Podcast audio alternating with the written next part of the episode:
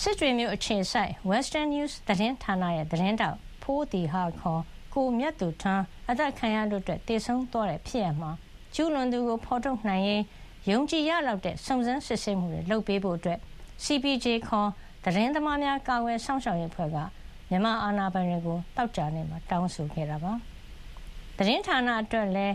DVB သတင်းဌာနအတွက် သတင်းပို့နေတဲ့ ကိုမြတ်သူထွန်းကို ပုံမှန်905ကာကြီးနဲ့ 2022စက်တင်ဘာလကလေးက ဖမ်းဆီးခဲ့တာ ဖြစ်ပြီး ရခိုင်ပြည်နယ် မြောက်ဦးမြို့မှာ စစ်တပ်က ဖမ်းဆီးထားစဉ်မှာအပြစ်ဒဏ်ခံရပြီးတေဆုံးခဲ့တာလို့ Western News သတင်းဌာနရဲ့ အယ်ဒီတာချုပ်ဝနခွာညိုရဲ့ ပြောဆိုချက်ကို ကိုးကားပြီး CPJ ကြေညာချက်မှာ ဖော်ပြထားပါတယ်။စစ်ပွဲဖြစ်နေတဲ့ ရခိုင်ပြည်နယ်ထဲမှာ ရခိုင်တပ်တော် AA က စစ်ကောင်စီချင်းမြန်တန်ရင်308ကို February 9ရက်နေ့မှာ ဝင်ရောက်စီးနင်းခဲ့တာ ဖြစ်ပြီးနောက် အဲ့ဒီတန်ရင်ရဲ့ဘုံခိုကျင်းတစ်ခုထဲမှာ ကိုမြတ်သူထွန်းရဲ့ရုပ်အလောင်းနဲ့အတူ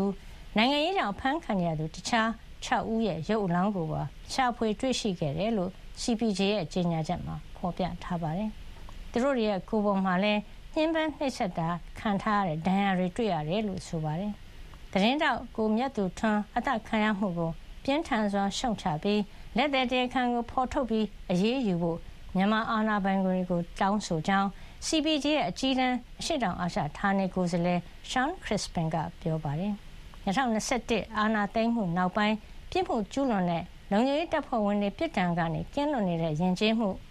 မြန်မာနိုင်ငံမှာ အမြင့်တွဲနေပြီး အခုလိုတပ်ဖြတ်မှုတွေကို စစ်ကောင်စီက ရပ်ပစ်ဖို့နဲ့ သတင်းတောက်တွေကို အကာအကွယ်ပေးဖို့အတွက် CPJ အဖွဲ့က တောင်းဆိုလိုက်ပါတယ်။ CPJ က နောက်ဆုံးထုတ်ပြန်ထားတဲ့ သတင်းသမားတွေ အသက်ဖြတ်ခံရမှု ကမ္ဘာလုံးဆိုင်ရာအညွှန်းကိန်းအရ